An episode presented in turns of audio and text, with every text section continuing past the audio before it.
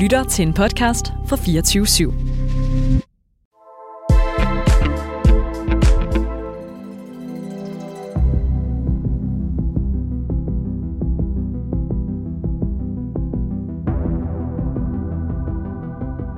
Karoline, der er sådan et underligt rødt skær herinde, og alting er vendt på hovedet. Øh, jeg, jeg forstår ikke helt, hvad der sker. Jeg føler mig fanget. Rolig, Claus. Jeg tror, du har set for meget Stranger Things. Åh ja, det er jo rigtigt. Der er lige kommet en ny sæson, og den blev set meget intenst på en dag, og det er mange timer, der blev dedikeret på det. Ja, for part 1 af Stranger Things sæson 4 er jo kommet ud. Og vi skal tale om, hvad der nu er galt i Hawkins, fordi den der forbandede by, der, altså, nu har de rådet sig ud i noget nyt, ikke? Og øh, til slut i programmet, der tager vi også et spoiler-segment, hvor uh. vi får talt om, hvad der i virkeligheden foregår i Hawkins. og hvad vi rigtig synes om de ting, der foregår i Hawkins. For vi har meget stærke meninger, vil jeg nok våge at påstå. Yes. Men først, så står den på en øh, biograf-aktuel film, Red Rocket, om en øh, afdanket pornoskuespiller. Og hvis der er noget, vi er gode til her i Close-Up, så er det jo vores afdankede pornoskuespillere. Eller hvad? Øhm, oh, jeg var bange for, hvor, hvor du ville køre den hen. Ja. det, det er min fremtid eller på et eller andet tidspunkt. Jeg frygter det lidt. men inden du starter din pornokarriere, så øh, må du lige øh, komme i hvert fald igennem den næste teams Close-Up i selskab med mig, Karoline Ballstrøm. Du er Claus Nygaard Petersen, og som altid, så skal vi her i Close-Up zoome ind på de mest relevante film og serier fra ugen, der er gået. Og måske også porno i den her omgang. Nu må vi se, hvad der sker. Vi lægger i hvert fald øh, hurtigt og skarpt ud med Red Rocket, inden den står på en øh, god omgang Stranger Things.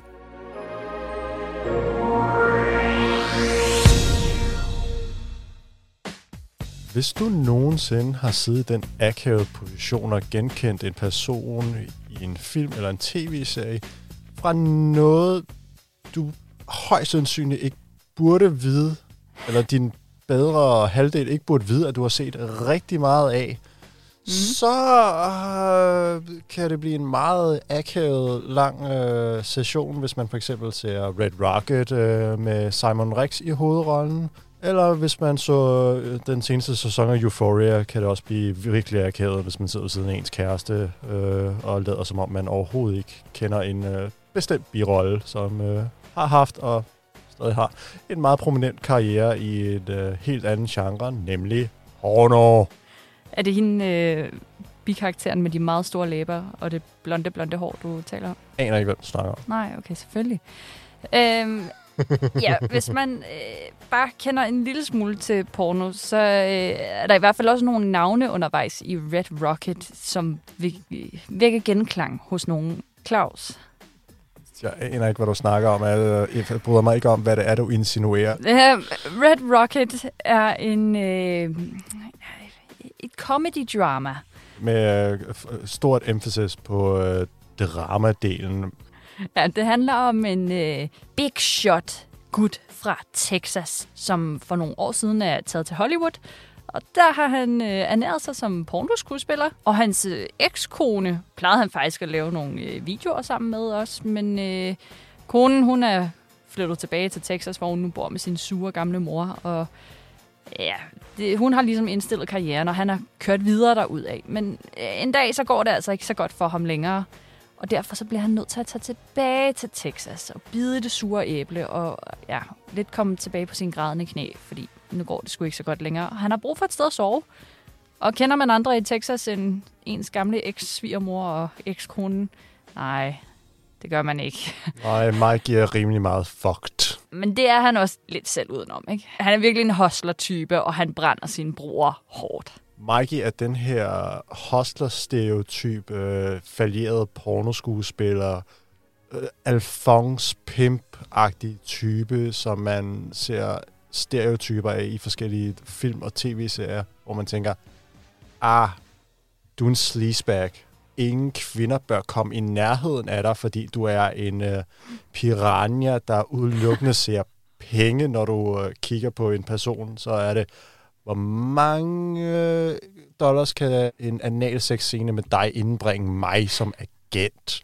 Han er et super dumt svin, men ultra charmerende. Han er lidt et man-child. Han er ikke blevet mere, han er ikke mere end 20 år mentalt, selvom han øh, er i hvert fald tæt på de 40 eller over de 40. Er det nogensinde noget, du har kunne relatere til? Hold kæft.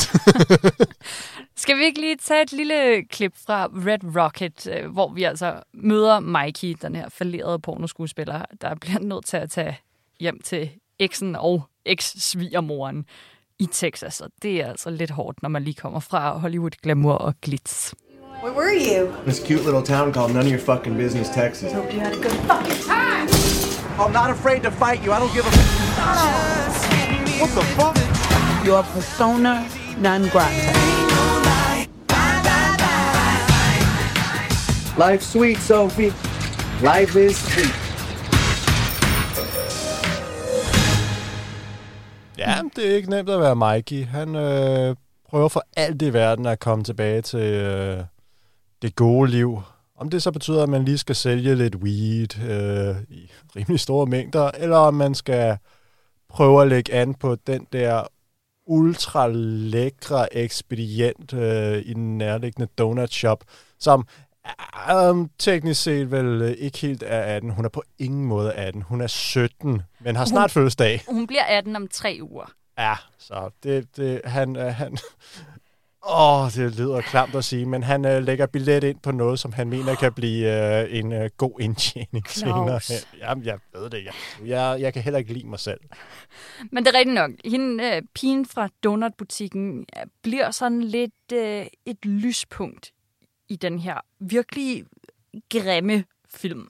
Sorry, jeg bliver nødt til at sige det. Men det, det er en film, der foregår for et par år tilbage. Øh, man kan høre Trump nogle gange øh, have kampagnevideoer på øh, radioen og på tv om at make America great again. Og man fornemmer også, at han løber en kampagne imod Hillary Clinton. Så det er altså det, det er nogle år tilbage det her, og vi er i Texas, hvor man godt ved, hvem de stemmer på der. Så viben er ligesom sat. Ja. Det er også en måde sådan at få indblik i, hvad det måske er for nogle øh, mennesker, der har stemt på Trump i den henseende. Det er folk, som ikke har haft de nemmeste vilkår. Man kan godt se, hvad det er for noget, der har Mm. appelleret til dem. Så det er sådan et øh, lidt indblik i den her del af det amerikanske samfund, hvor tilværelsen ikke har været så nemt. Og hey, hurtig vej til guld og grønne skove. Vote Trump, motherfucker. Mm. Og da jeg så den her film, og jeg så på rulleteksterne, Ja. Øh, så gik det også lidt op for mig, hvorfor den er så grim. Den er i hvert fald usel, ikke? Den viser virkelig det der USA, du ikke har lyst til at tænke på. Mm. Hvor øh, vagthundene, de står lænket i en meget kort snor ude foran øh, boligen, og de får lige en rest øh, en gang hver tredje dag eller et mm. eller andet. Og øh, du hader dine naboer, hvis der er nogen, der sætter fod på din property, så står du klar med en shotgun. Cause it's your right. Ja. Um, og da rulleteksterne de kørte, så gik det op for mig, hvorfor hele filmen var sådan. Mm. Det er fordi, den er skrevet og instrueret af Sean Baker. Hvad er det nu, han er for en type, Karoline? Men han er jo en comedy-drama-type. Mm. Han har sat sig på mit verdenskort med The Florida Project. En fantastisk film for en øh, fire års tid siden, der skildrer også et af de her meget hårde miljøer med en øh, fattig mor, der gør, hvad end hun skal gøre for at brødføde sig selv, og hendes barn, som hun sådan lidt rimelig meget neglekter en gang imellem. Og det hele foregår på et hotel, hmm. hvor børnene bare render rundt og passer sig selv. Ghetto-agtigt noget. Mm. Og det er det, som Baker han gør. Han går ind og belyser samfundets øh, skjulte, den lidt grimme side. Og det er derfor, jeg også tænker, at det passer, at man bruger 16 mm, sådan en filmteknik, hvor man virkelig får udstillet øh, det grimme, det sådan lidt stærke, fordi farver, de står jo stærkt på en måde. Altså lilla, pink, hot pink, det bliver virkelig, hmm. oh, det bliver pink. Kontrasterne bliver virkelig udstillet, når man går ned og så skildrer det her miljø, hvor der netop er pang for alt, hvad man overhovedet kan trække, fordi der er ikke råd til, at man kan sådan være low-key flashy, man er bare nødt til at være flashy. Flashy, flashy. Flashy, flashy, fordi nu kan du være flashy, så er du bare flashy as fuck. Ja, guldtænder. Præcis, hele tiden.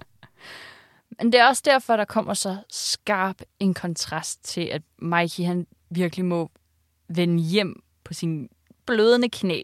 Det er ikke nogen pæn velkomst, han får. Altså, man kan høre på dialogen mellem ham og hans ekskone den dag, hvor han dukker op på hendes dørtrin, at det, hun er altså ikke særlig glad for at se ham. Og det, det var også fordi, at hun, hun havde en pornokarriere med ham, og på et eller andet tidspunkt, så gik den galt. Og når Mikey fortæller det, så er det altid hende, der fuckede op. Det var hende, der stak af med en eller anden Alphonse-type, og så gik der ikke længe før, end at, at han kun fik booket hende til sådan nogle rigtig dårlige ting, og, og hun dukkede kun op på jobbet øh, mega heroinhøj og sådan noget. Men på den anden side, når hun sådan en gang imellem får indskudt en sætning, så lyder det måske, som om det var Mikey, der lidt fuckede hende over. Men, nå, men i hvert fald, man kan høre her, hvordan de i hvert fald ikke er super glade for at se hinanden, men på den anden side har han heller ikke rigtig andet valg, fordi der er gået et eller andet galt i Hollywood, og han kan ikke vende tilbage, medmindre han virkelig får oprejsning. No pun intended.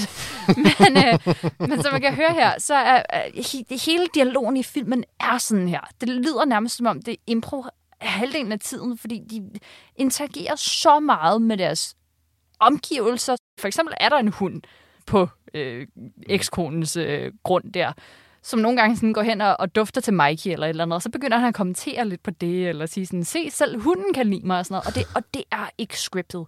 Det er det bare ikke. Det er øh, ren impro. Sådan her er hele filmen. Og hvis man ikke kan holde sådan et her højt tempo, så er det et mareridt. Især ja. med den der Texas-accent. Men prøv lige at høre, hvor, hvor sygt det lyder, når de møder hinanden første gang igen. Oh my shit. Surprise! Oh my god, what the what are you doing here? Oh, it's good to see you too. Why are you here? Damn, where do I begin? Uh, No, you're not coming in this house. I don't want to be here, all right? This is Well, embarrassing. I don't want you You think I want to show up like this? I got my ass fucking kicked. I just need a place to crash. Why can't you Well, be you're not cra- What does it look like a hotel? Really? It's like that? Can you get off the property, What- what- please? what- why? What are you gonna fucking do? Really? What, You're you not want, let- it's- oh, you want me to call the gonna cops? I'll call the cops. Don't- don't- No, I'm calling the cops. Mom! See, your mom's saying, let him in. Let him in and take a shower. And the dog's like, oh, he's a good man. I can tell by his nice energy. Please let me take a fucking shower. Minder det der ikke sindssygt meget om en bestemt scene fra Florida Project? Jo, Ja. Lad, os lige prøve at sætte scenen op. Okay. Der, Florida Project foregår på det her motel. ja, i, i Florida. Og de har egentlig stoppet med at filme på det her tidspunkt. Det er mellem optagelser. Så dukker der nogle fucking flamingoer op, fordi vi er i Florida, og der er flamingoer, og begynder bare at vade rundt Inde på sættet. inde eller, på sættet. Det er jo ikke et sæt, det er jo egentlig bare en bygning, de har lejet i, i en periode for at optage. Men de her flamingoer, de går bare rundt, og de gider ikke rigtig at flytte sig. Skuespiller Willem Dafoe, han begynder simpelthen sådan, alright, go now, you can stay here. De filmer det, mens han går væk. Det er 100% improvisation. Og det er fantastisk underholdende at se, hvordan han prøver sådan at shoot dem væk. Og så flamingoen, der på et tidspunkt så lige drejer rundt, og sådan laver lidt en front på ham. Det er genialt at se. Yeah, you, you gotta go home. No harm, no foul.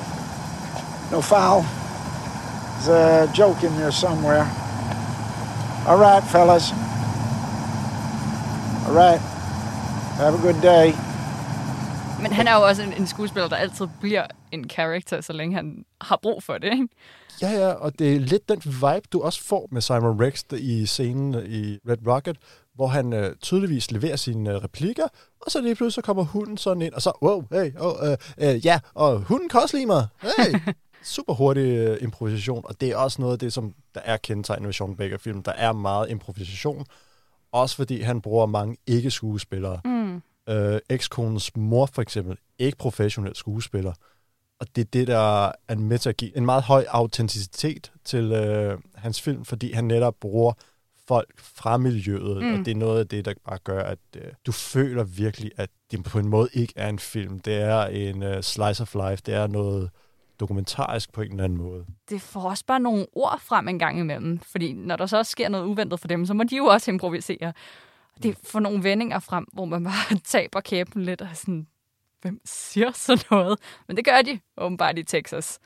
Derude, hvor øh, der ikke går nogen busser, og alting er nederen. Øh, men du nævnte lidt tidligere hende der, der... Hun er altså ikke gammel nok. Jeg er ked af Nej, det. det er hun ikke i hvert Det fald. er hun ikke. Skuespilleren er. Hun er 26 år, har fødselsdag i januar. Det har vi læst op på. Ja. Så vi må godt sige ting. Ja, hende der, den 17, næsten 18-årige pige, der arbejder på den lokale donut shop. Og hun har kælenavnet Strawberry. Og man, Og hun er ginger. for hun er ginger rødhåret. Rødhåret. Og man skal jo ikke øh, kende særlig mange pornonavn før at vide, at Strawberry, det er næsten for godt et kælenavn til at være sandt, ikke? Og når man selv er sådan en ja, lidt Alphonse Pimp-type, der altid har på udkig efter den næste pige, som han kan få i øh, sådan sit øh, model house, altså sådan et hus, hvor man ligesom øh, ja, samler nogle damer ind, og så sender dem ud på jobs, altså sådan et kurateringsbyrå-agtigt. Ja, det, Øhm. øh, Pimp Central, synes jeg, er mere dækkende for Det er det jo. Altså, det, det er jo pornoskuespillere. Så det er, jo ikke, det er jo ikke, fordi de skal gå ud og prostituere sig på den måde. Nej, øh, der var den her norske dramafilm tilbage i november-december måned, Pleasure, som mm. gik meget i dybden med pornoindustrien. Og netop øh, det her fænomen med at have et model house, hvor du har fem, seks forskellige piger, del, der bor i et hus, hvor huslejen så bliver betalt af en eller anden dude, agent, mm. og så han får en øh, lille cut af de scener, som han skaffer dem. Og man skal jo ikke kigge meget på, hvordan Mikey ser på Strawberry, eller hvordan Sean Baker får filmet det. Øhm, fordi... Øh, Der er fandme male gaze for alle pengene, mand. Ja, det er der. Øhm, ja, det bliver lidt varmt, fordi hun, hun, er- hun er øh, meget interessant. Altså, hun er virkelig fremme, og hun er træt af det her Texas noget, og hun er for god til at være mm. der. Det er hun virkelig. Hun er noget særligt. Og det er jo godt spottet af Mikey. Det er hun virkelig. Hun er meget langt fremme, og hun er rigtig klar på at lave ting med ham også. Men samtidig bliver det virkelig også fint vist, at hendes alder ikke er, er attraktiv. Altså, det er virkelig en hindring. Det er super klamt, at hun er mindreårig. Mm. Det synes jeg er ret fedt, hvordan man kan både vise, at det her er... Hun er en kvinde på mange måder. Altså, hun er, hvor der er consent hele vejen, og hun er klar. Men det er ikke okay. Og det igen, Sean Baker og hans unge skuespillere, som der også var mange af i Florida Project, han får udnyttet det der med alder rigtig meget. Altså, han får virkelig sat det på spidsen. Også i The Florida Project er der på et tidspunkt et barn, der skal tage et billede af sin egen mor, sådan øh, næsten nøgen afklædt, så hun kan lægge billedet på Craigslist og sige, at man kan komme forbi hende, så de kan få husleje. Ja. Og det der barn, der skal tage de billeder, Ja, man kan godt, man kan godt mærke, at der er noget galt, ikke? Eller sådan, der, børn er bare ikke så dumme igen. Og det er han rigtig god til at vise Sean Baker. Ja, men det ændrer jo ikke på, at der, er- der er sgu lige et lille problem med hendes strawberry der. Fordi han bør jo ikke. Men altså, hun, hun er jo hans måde at komme tilbage på igen. Fordi hvis han får kroget hende, og hun vil være med, så kan han jo komme med sådan en debutant. Vende tilbage til Hollywood og sige, se, jeg har fundet noget helt unikt. Og jamen, hun kan blive hans redning, ikke? Mm. Og det er også her, hvor han begynder, altså Mikey, spillet af Simon Rex, han begynder at name drop rigtig mange ting over for hende også, med at hun kunne vinde nogle, nogle awards, og hun kunne være en brasser girl, hvis hun ville. Og hun kunne være den næste Sasha Grey og sådan noget, hvor jeg, der, der må jeg altså lidt give for tabt. Men der føler jeg trods alt, Claus, Nu at hænger du mig ud, uden at have belæg for noget som helst. Nu skal du slappe af. jeg, jeg fornemmede bare, at du kunne følge med lidt længere hen ad vejen, end jeg måske kunne. Og Jamen, jeg, Det- jeg, bare rolig. Jeg, jeg har dig. Jeg har dig. Jeg har en lille quiz til dig. okay, Ja. Claus' store porno-quiz. Karoline Edition. Jeg har fundet fire personer, okay. som enten har medvirket i en pornofilm. Det er sådan en rigtig skuespiller, der har medvirket i en pornofilm. okay. Eller pornoskuespillere, der har medvirket i mainstream film eller tv-serier. Okay. Så en, der ikke i gåseøjne hører hjemme. Mm. Okay. Ja, korrekt. Ja. Ja. Så er du, er, du, er du frisk på den her? Ja. men jeg tror, det bliver tydeligt, at jeg ikke ved så meget, som jeg gerne vil. Ja, jeg, jeg vil sige så meget, at jeg har meget, meget custom designet den til dig. Okay, vil du have en lille jingle ind under? Åh, oh, jeg har helst gerne noget slibrig pornomusik. Ej, okay. Okay, du køber. Ja.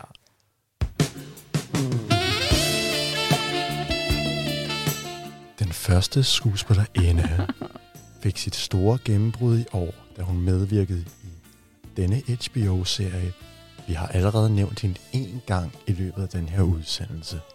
Hendes kendetegn er kirsebærsrøde, vil nogen endda sige, læber.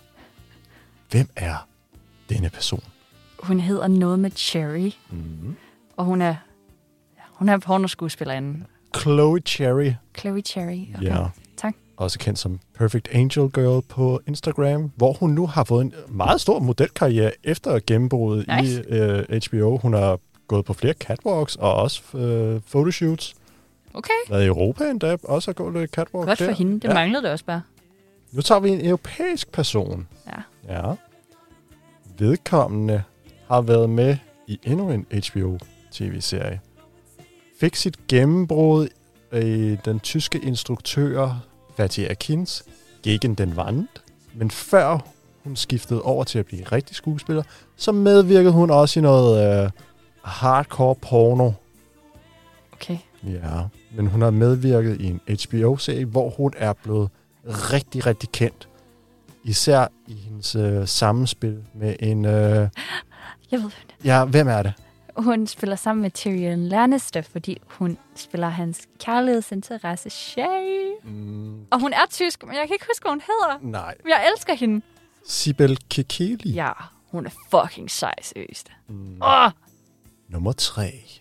Og nu går vi den fuldstændig anden vej. Det her det er en rigtig skuespiller, som har medvirket i noget lettere pornografisk. Det, det ligger lang tid tilbage. Denne mand vandt en Oscar i 1976 for bedste manuskript. Han er sidenhen blevet en kæmpe actionhelt, der både løber rundt med rød bandana på hovedet og ikke er bleg for at tage nogle boksehandsker på og så smadre alle sine modstandere. Og være en rigtig god træner, for eksempel i de to Creed-film med Michael B. what Jordan. the fuck? Seriøst? Mm. Sylvester Stallone? Det er nemlig Sylvester Stallone, der i 1970 medvirkede i softcore-pornofilmen.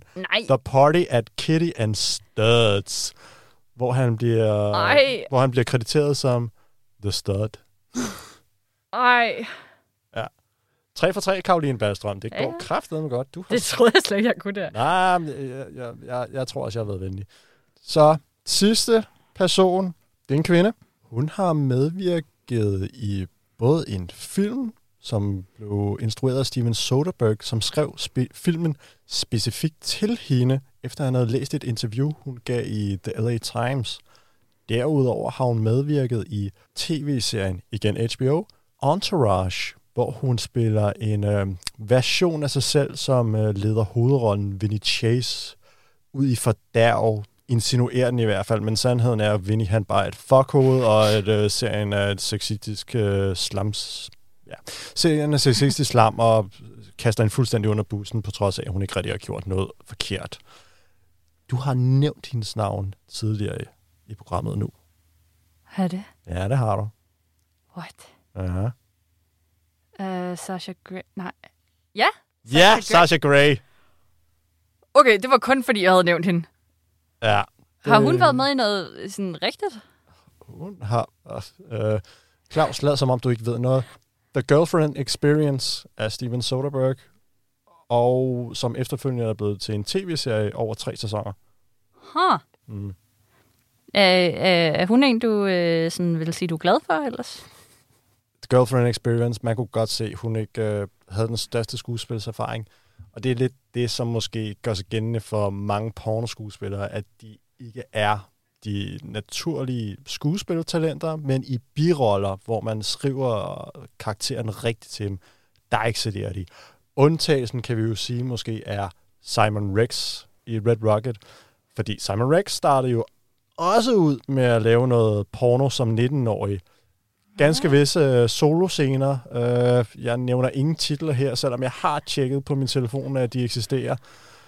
Aha. Uh, Er det først noget, du har fundet ud af i dag, eller er var det noget, du vidste fra tidligere erfaring? Eller sådan? uh, jeg vidste for tidligere erfaringer. Jeg får faktisk lige lyst til lige at tjekke op på, hvad det er. Young, Hard and Alone, Ja, eller Hot Sessions 1, 2 og 3. nice. Okay. Det var en øhm, public service meddelelse til alle hans kvindelige fans, og mandlige, og alle derimellem. Ja. Hvis man vil se Simon Rex udfolde uh, talentet før han blev stor. Ej. Men det er også en fantastisk comeback-historie. Altså, han vandt jo en øh, rimelig stor pris i USA, The Independent Spirit Awards, for bedste mandlige hovedrolle. Et øh, prisuddeling, som hylder uafhængige film. Og der vandt han øh, bedste mandlige hovedrolle og giver en virkelig rørende tale, som jeg synes, vi lige skal høre en lille bid af her. Mm-hmm. Okay. What the fuck? Sean Baker, you took a shot on me when I could not get a call back for a Geico commercial. And this man believed in me and took a shot, and I'm so glad I delivered for you, Sean. Truly, you're a genius. Writer, director, editor, casting, he did it all, and he decided to give me a shot, and I didn't want to let him down, and here I am. I honestly, my career was in the toilet. I gave up. I moved out to Joshua Tree and said, maybe it's all over. And all of a sudden, I get a phone call out of the blue from Sean, and he just gave me a shot. And he called me and said, Look, do you trust me? And I seen his film, so I, I did trust him. He said, uh, You're not going to make any money. I'm not going to make any money. We're going to go make a, a movie real quick. Red Rocket, super øh, vild film egentlig, fordi den, den er sådan en, hvor du mister tidsfornemmelsen. Ikke? Den var godt lige over de to timer, hvilket er langt for en film, der virkelig bare bliver snakket i. Til gengæld så snakker de for vildt. Mm. Og den er filmet nøjeren. Og hvis man kan huske slutningen af The Florida Project, som ligesom kulminerer i sådan en Disneyland-sekvens, hvor Sean Baker han ikke havde tilladelse til at filme derinde, så det blev filmet på den nyeste iPhone, hvilket på en måde blev sådan en lidt indirekte reklame for, hvor godt det iPhone-kamera er, for det var det virkelig. Det der sådan store, farverige slutning, der virkelig bare, nu er vi i himlen. Mm. Det formår han at gøre en gang til. Og det er en sindssyg måde at, at runde en film af på, og det er, er en film med så mange modsætninger, fordi man burde virkelig ikke kunne lide Simon Rex karakter, mm. Mikey, for han er en nær, men han er også din hovedperson, og det er ham, du går mest tid med, og du får noget forhold til ham, om du ved det eller ej. Og man tænker, han burde lade den stakkels ikke engang 18-årige pige være. Men på den anden side håber man også lidt, at han får hende med sig tilbage til Hollywood. Og jamen, altså, han, han er sådan en, der bare trasher alt for at komme frem. Og det er vildt fascinerende, men du hader ham ind til benet. Jeg er enig med dig langt hen ad vejen. Jeg synes, det er en virkelig fremragende film. Den har det her slice of life, hvor du kommer ind under huden på nogle øh, klasser i USA, som du ellers ikke kommer ind på. Og det er det, der gør den virkelig fascinerende. Også den måde, hvor der er den her autenticitet. Der er de her folk, som bare virker som om, at øh, de tilfældigvis var til stede, da Sean Baker han kom forbi med sit kamera, og så bare smooth-filmede dem, mens de øh, gjorde deres ting. Virkelig fascinerende. Og Simon Rex, comeback, ærgerligt, at han ikke er blevet belønnet mere, end han. Han er. Vi har på en eller anden måde svigtet dig lidt, og det har været hårdt for dig. Fuck det. Velkommen tilbage med kæmpe stor manér. Lidt sentimental. Måske er historien om Simon Rex historie bedre end, end filmen, men det er stadig en virkelig fremragende film. Det er på en måde meget passende, at vi lige har talt om porno, ikke? For hvis der er én ting i horrorfilm, som du bare ikke må gøre, så er det at have sex. Så ved du, at du dør. Men det er jo ikke rigtig så meget problem i Stranger Things, fordi det er jo børn, der er hovedrollerne i der, bortset fra nogle af de lidt ældre teenagers. Men nu er de unge jo trods alt blevet ældre, for det er fjerde gang, vi skal tilbage til Hawkins. En by, der er forbandet af at være connected gennem portaler til The Upside Down, en anden verden, som er en spejling af den ellers rolige by Hawkins. Men heldigvis så øh, er den her lille bande af unge, som ved, at der er noget galt. De er udstyret med en superpower teenager, Eleven, som har en mørk og dyster fortid. Og det er meget det, der er fokus her i fjerde omgang af Stranger Things.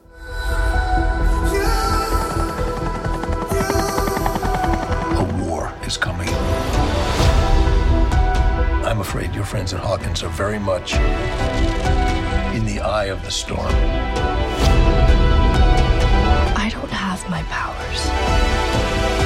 I don't know how to say this other than just to say it. Without you, we can't win this war.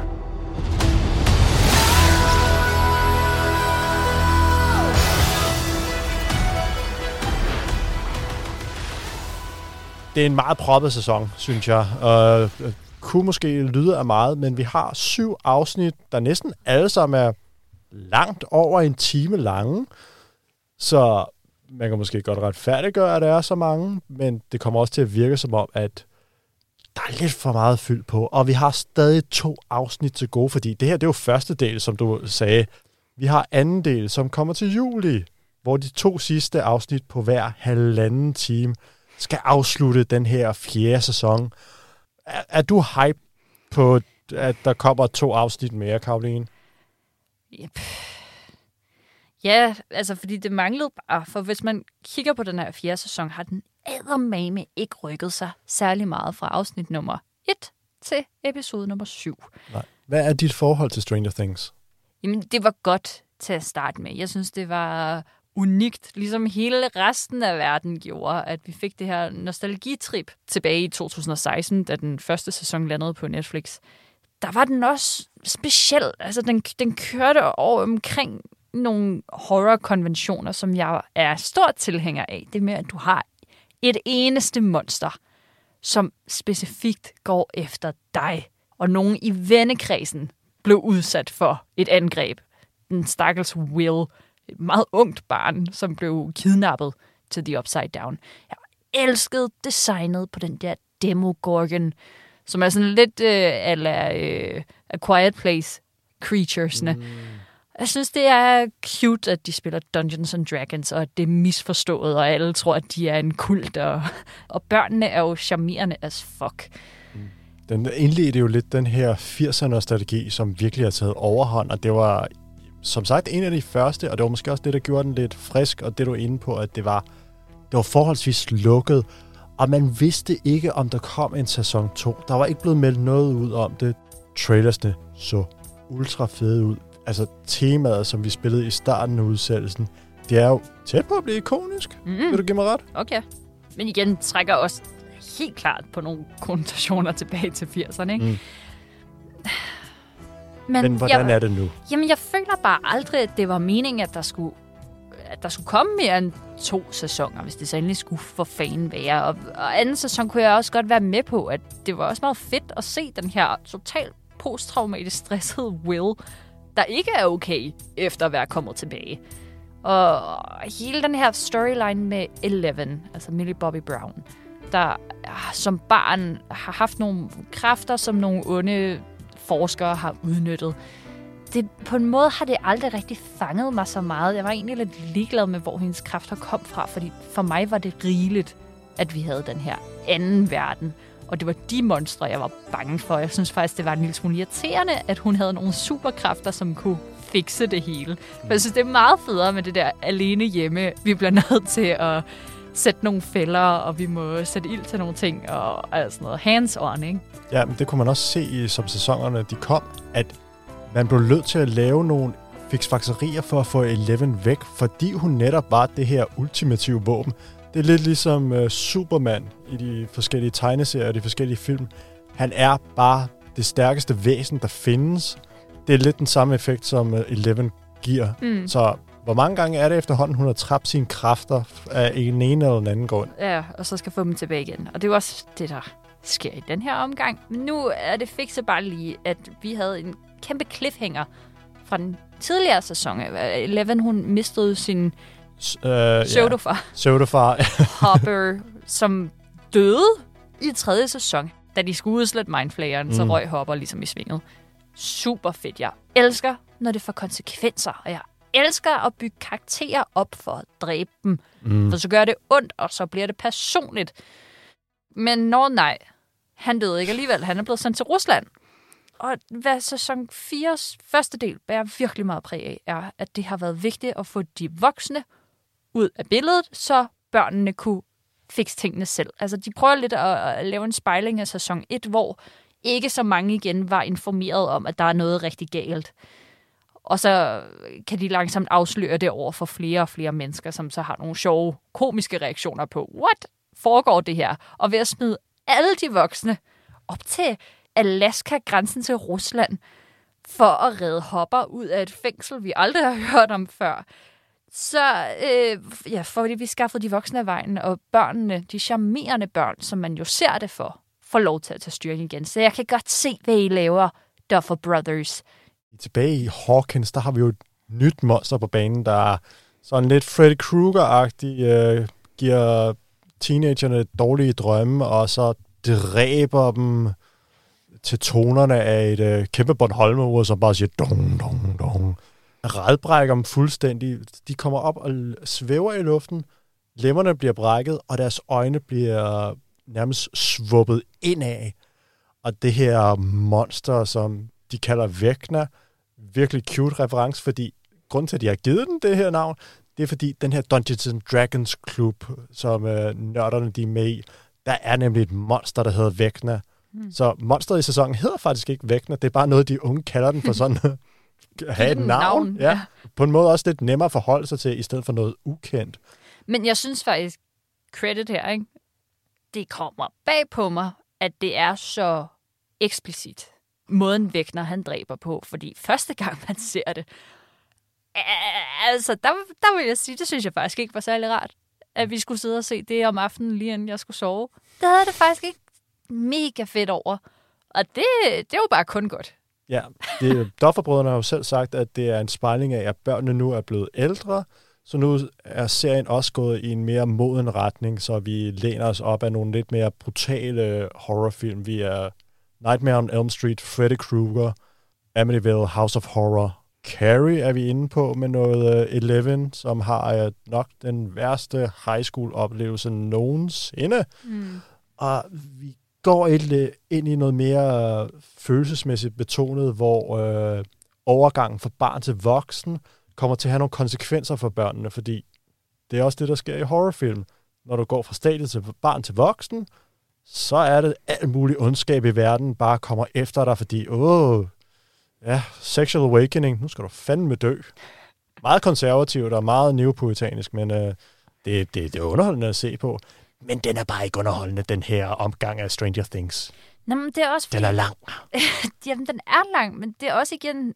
øh, Vægner kommer lige efter en tredje sæson, som virkelig havde en psykopat kulmination. Ikke? Vi havde russere ind over den her mindflayer. Kæmpe stort monster. Men Vægner er jo ikke engang på højde med Mindflayer. Vægner bliver jo ikke et problem, for Vægner er bare en slags general, eller en højre hånd, sådan en henchman for The Mindflayer, som de allerede har kunnet nakke en gang. Så hvad fanden skal problemet være med, at Vægner nu står i vejen? Altså, sådan, vi er jo ude i, at en stor del af teenagerne jo bare tager over for at nakke ham på et tidspunkt uden Eleven, fordi de bare sådan, Nå, skal vi lige... Øh, vi fikser det her lige, shit, mand." Vi smutter lige igennem og fikser det, ikke? så det er sådan lidt øh, en sæson, der i hvert fald også trækker i en anden retning, som er, at nu skal vi grave i Elevens fortid. Vi skal finde ud af, hvorfor hun er, som hun er. Og så må vi jo for fan bare håbe, at det forhåbentlig kan lave en form for afslutning. For jeg ved ikke med dig, men jeg er efterhånden en lille smule træt af Stranger Things som sådan et koncept, der virkelig bare burde være stoppet. De træsker rundt i noget, som ikke er, er holdbart længere. Altså på en måde, hvad jeg kunne have ønsket for dem, var, at de gjorde, hvad øh, nogle andre Netflix-film har, har gjort øh, i år, nemlig Fear Street, hvor hende, der spiller Sam, faktisk sjovt nok også spiller med. Men Fear Street er sådan en, øh, en række film, der slår ned på et bestemt sted, og nogle hændelser, der skete der, og så rejser tilbage i tiden for at optrævle, hvad var det egentlig, der skete. Mm. Og hvis Stranger Things skulle have en øh, løsning, var det at stoppe sig selv mm. og lave nogle spin-offs, som igennem fortiden kan vise os, hvorfor Hawkins blev cursed. Hvorfor det blev sådan her. Hvis vi, hvis vi kunne få noget historie på den på den måde, i stedet for at få alting til at være fucking connected. For det er det ikke, og det var ikke meningen fra start af, at alting skulle være bundet sammen med en fin lille sløjfe. Så de skal lade være med at prøve på at gøre det i sæson 4, part 1 og 2. For det her er ikke meningen. Det føles ikke naturligt. Jamen, konceptet er efterhånden ved at blive malket, og det er en ærgerlig tendens, som man ser rundt omkring i medielandskabet, film og tv. Så snart man har en titel, som er blevet en kæmpe stor succes, så bliver den eddermame bare reddet til døde. Altså, vi er ude i, at vi har, hvad er nu, den tredje live-action øh, Star Wars-serie med Obi-Wan Kenobi, som også øh, lige er blevet aktuel. Og man kunne virkelig, altså, den prøver jo at lave noget andet end uh, The Mandalorian og The Book of Boba Fett, som er meget det her dusørjæger, meget action-adventure-agtige univers, hvor Obi-Wan måske er mere grounded, lidt mere roligt, lidt mere filosofisk, er nok intentionen. Altså, vi har set to ud af seks afsnit, og jeg føler ikke, der er sket noget i de to afsnit, som ikke bare kunne være samlet sammen til en god, tight time. Det hårdeste ved den er jo også næsten, at Mandalorians varemærke bliver jo stor, sur mand finder lille nuttet barn, som han skal tage sig af og få fragtet sikkert igennem galaksen. Mm. Øh, og hvad er det, Obi-Wan han finder? Lille, nuttet pigebarn, som han skal få fragtet sikkert tilbage gennem galaksen. Men også et fantastisk pigebarn. Nå, som, ja, ja. Altså, Princess Leia som barn. Ja, jeg, Fuck, hun er badass. jeg vil gerne se det. Men så skal de lade være med at lave præcis den samme indpakning, som de allerede har gjort engang i Mandalorian. Altså sådan, hvad fanden tænker I på? Og det, jo, det er fint. Sådan, Leia er en total undereksponeret karakter. Langt hen ad vejen i Star Wars. Og de prøver virkelig at give hende en redemption i de nye Star Wars-film. Så det, det er helt okay at dedikere en serie til hende. Men så for fanden kaldte den Leia, og Det- ikke det- Obi-Wan. Altså sådan, det, bare, det, det bliver bare Mandalorian en gang til. Og lad mig da få en Star Wars-serie med en kvindelig hovedrolle efterhånden. Altså sådan, I, I har rigeligt at tage som I kan rette op på. Men nej, nej. Men Ewan McGregor er også en fremragende mand at se på. Så, altså, du kan godt give mig seks timer med ham i alt. Men, men det ændrer ikke på, at vi virkelig er inde i en stime, hvor ting burde måske bare stoppe, eller også skulle de finde på bedre twists. Men øh, jeg havde jo lovet, at vi skulle have et spoilersegment til sidst her, for der er virkelig noget at tale om, især lidt i forhold til det med, at nu skal de binde sløjf på det hele. Ikke? Mm. Så skal vi ikke lige uh, smide nogle stjerner efter første del af sæson 4 af Stranger Things, før vi går ind i et øh, super fedt spoilersegment, hvor vi skal tale om en sekvens, som bare blæste mig bagover. Fordi det må man eddermame give den, hvis der er noget at tage med fra den. Ikke? Oh, så er det altså bare et godt tv-øjeblik. Men vil du ikke lige først give nogle stjerner til Stranger Things?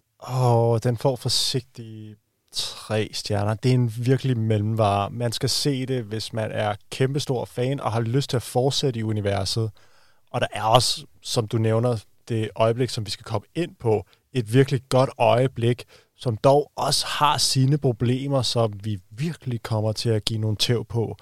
Der er mange, mange gode ting i serien. Altså Dustin og Steve, verdens bedste makkerpar, er stadig en sand fornøjelse, og der er nogle af de nye karakterer, som også bare er guld til serien. Så er der en masse andet, som burde blive skåret af langt tidligere. Altså hele Byers-familien efterhånden overhovedet ikke relevant på nogen måde. Så der er sådan en rigtig god medium-serie, hvor man håber, den snart slutter. Men nu er jeg fire sæsoner inde. Jeg var tre sæsoner inde før, og jeg har bare lyst til at blive her for at få slutningen med. Jeg har brug for at få slutningen med. Så jeg, jeg er næsten ligeglad med, hvad kvaliteten bliver fremover. Jeg har brug for en afslutning, så man skal helt klart se det, hvis man er fan. Der er en øjeblikke, som man har lyst til at blive siddende i kroppen, og de bliver siddende i kroppen. Men lad os nu bare få den spoilersnak der overstået, for jeg kan næsten ikke vente med at tale om det her meget specielle øjeblik. Så øh, vi smider lige en lille spoiler warning ind. Og så må vi altså komme til nok et af de største tv-øjeblik, jeg har haft endnu i år. Ikke det største, men jeg vil sige, at den øh, er eddermame mindeværdig. Sæt scenen op for os, Karoline. Vi skal faktisk helt tilbage til sæson 1. Mærkeligt nok. For Stranger Things har en øh, tendens til, at når der virkelig sker store emotionelle point of no return, fra nu af bliver hele din virkelighed anderledes. Så øh, spiller de øh, super lækre musiknumre. Og øh, sæson 1 øh, fik mig til at krympe mig sammen og græde, fordi de øh, spiller en Peter Gabriel-version af David Bowies Heroes mm. i sæson 1, da Wills mor Joyce og hans storebror, de i sæson 1, episode 3, finder ud af, at Will er øh, fundet øh, druknet i en øh, sø, og øh, jamen, han, er, han er død. Men i virkeligheden, så er Will jo på den anden side af The Upside Down og, og kæmper for at komme tilbage. Men på det tidspunkt, der spiller de Heroes, øh, sunget af Peter Gabriel, og imens man kan se sirenerne komme nærmere og nærmere øh, moren og storebroren, der står og krammer hinanden og, og, og ved, at den er helt gal.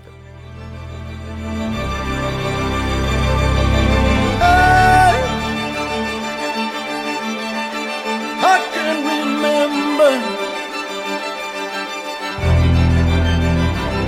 And the guns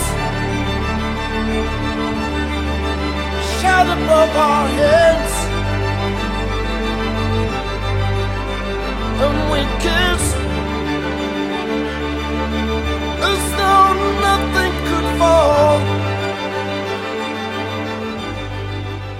Og det var bare så sindssygt lækkert.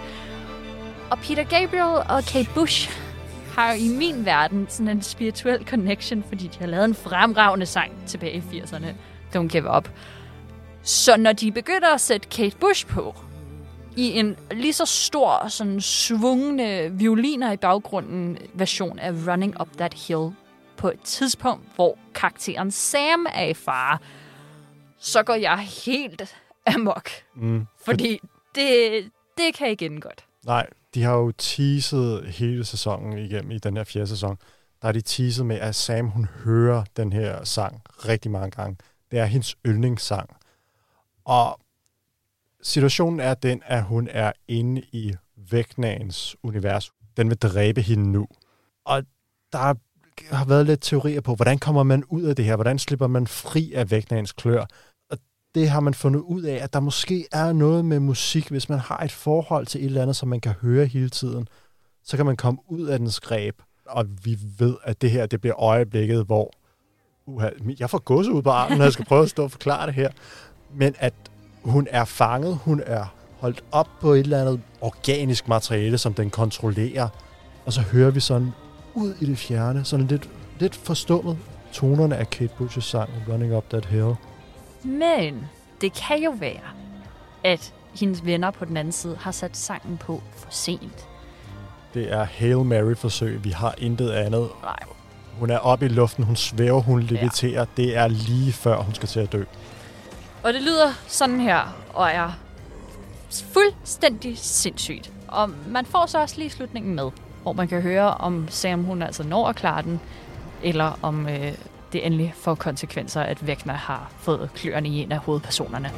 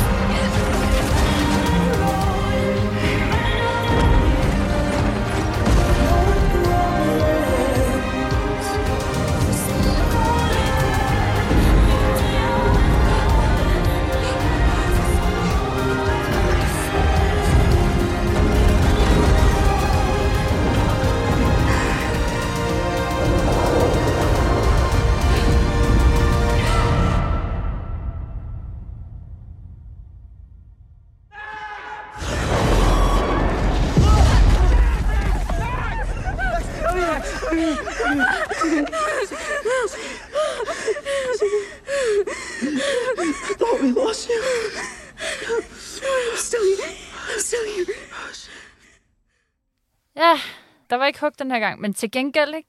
jeg fik sådan kuldegys rystelser nærmest, og jeg får det også bare, når jeg skal høre lyden igen og genspille scenen ind i mit hoved, fordi det her er sindssygt lækkert. Og det vidner jo bare om, at de har gjort noget rigtigt, da de i hvert fald byggede Sam-karakteren op. Mm. Sam-karakteren, som har en helt forhistorie med en øh, bror, der i forrige sæson var det dummeste svin, indtil han i aller sidste højeblik bliver god og redder alle mennesker, og især lillesøsteren, som der er et had-kærlighedsforhold til. Og hans død påvirker rigtig meget Sam i den her sæson. Det er der foran hans grav, hun sidder, der vægner en får fat i hende. Mm. Og der er noget sindssygt rørende i den. Altså, jeg kan mærke min, min Ja, lige, ja. lige hernede i øjenkrogen her, hvor man kan mærke, at Thorson skal til at bygge op. Der er lidt, der er lidt pres på nu. Det er virkelig sindssygt godt sat op, og det er en kæmpe fejltagelse, at man ikke giver den her forløsning, at man lader Sam dø, for det havde været den vildeste karakterark. Eller i hvert fald leger lidt med, hvordan udfaldet bliver, fordi vi, som du siger, vi får jo at vide, hvad fanden der sker i samme afsnit. Og så slutter afsnittet. Ja, der er virkelig mange gange undervejs i sæson 4, hvor den bygger helt vildt meget op til, at nu skal episoden ende på en seriøs cliffhanger. Og det er også virkelig cliffhangers. Så cutter den til black. Og så vender vi tilbage til en scene, som forløser det hele. Så hvad man normalt ville gøre inden for dramaturgi, som ville kunne få dig til at sætte næste episode på, eller gå og vente en hel uge på, og hvad må der skete, øh, den får du med det samme. Og det gør det til en enorm flad oplevelse i længden. Fordi selvfølgelig vil du i virkeligheden gerne vide, hvad payoffet er, men, men fra sådan et strategisk point of view giver det ikke nogen mening, for det gør ikke, at du driver dit publikum fremad, fordi du giver hele tiden løsninger på problemer, du sætter op. Og det er enormt mærkeligt. Det er fint at gøre det en gang, men du kan ikke slippe afsted med at gøre det fire gange, ikke på syv episoder. Nej, den eneste, hvor jeg synes, de rent, faktisk gør det rigtig godt, det er med afsløring af, hvem der er vægtningen, og hvordan vægtningen connecter til det hele. Det viser sig jo, at det er den originale barn i det her eksperiment, som Eleven er en del af. Det er number one, der er vægtningen, der som voksen har fuldstændig udslettet alle de andre børn i det her eksperiment, fordi han er fucking logo. En psykopat af yderste kaliber. Jeg kan godt lide ham. Ja, han er virkelig et charmerende skurk, og det... Nå, jeg ikke på den måde. Jeg synes bare, det er fedt. Ja, det, Altså det, det er både charmerende skurk, men også en virkelig sådan, det er en ond person, og det fede er, det er en person, der har været ond som menneske, og ikke som monster. Der er noget øh, lidt mere uhyggeligt ved, at du har et ondt menneske, som Mm. bare bliver en dæmon på den her måde. Ja, Eleven bandlyser ham jo til The Upside Down som Ja. barn, hvilket hun ikke rigtig helt kan huske selv. Hun, det har været så traumatiserende for hende, og hun har glemt det. Og så har Så- hun også været udsat for rimelig meget shit siden, Ja, ja, da alle har troet, det har været hende. Men så hun har ligesom sendt ham til den anden side, og da hun gjorde det, der blev han transformeret ind til et monster. Og det er ret fedt at have noget, der er oprindeligt ond, og ikke bare er blevet korruperet af The Upside Down, men han har ligesom tilføjet noget til den verden. Det er super nice, det med, at måske kan man flytte fra det ene sted til det andet, og blive til noget nyt. Men det vil jo også potentielt kunne betyde, at ting fra The Upside Down ville kunne komme til vores verden og være okay. Fordi hvis han kan gå fra den ene vej til den anden, så, så altså, der må være noget transaction der, tænker jeg, hvis de nu skulle være smarte. Men ved du hvad, jeg tror ikke, vi skal regne med det. så vi kan jo pænt vente til starten af juli, hvor vi får løsningen på, hvordan det hele ender. Men øh, jeg er ked af det, Claus, men jeg tror altså ikke, du skal sætte snuden op efter noget alt for raffineret. Jeg kræver dødsfald en masse. Ja, ikke? Ja. Nå. I næste uge, der God uge. bliver det en rigtig god uge til gengæld. Der er det min fødselsdag, og det er det på mange måder. Det er både min fødselsdag, men vi har også Dino-uge. For Jurassic World Dominion udkommer endelig. Konklusionen på tre Jurassic World-film. Og ja, jeg ved godt, mange siger det skøjet. Men, men bare vent. Jeg skal nok få overtalt jer alle sammen. Og derudover fortsætter vi i dinosporet, når vi kigger på Apple-serien Prehistoric Planet, hvor selveste David Attenborough, den legendariske BBC-fortæller, han tager os tilbage i tiden. Med musik af Hans Zimmer. Åh, det er bare din uge, var. Det er min uge. Jeg glæder mig til, at vi lyttes ved. Kære lytter, du har lyttet til et program fra 24 /7. Du kan finde meget mere modig, nysgerrig og magtkritisk taleradio på 24 7 appen Hent den i App Store og Google Play.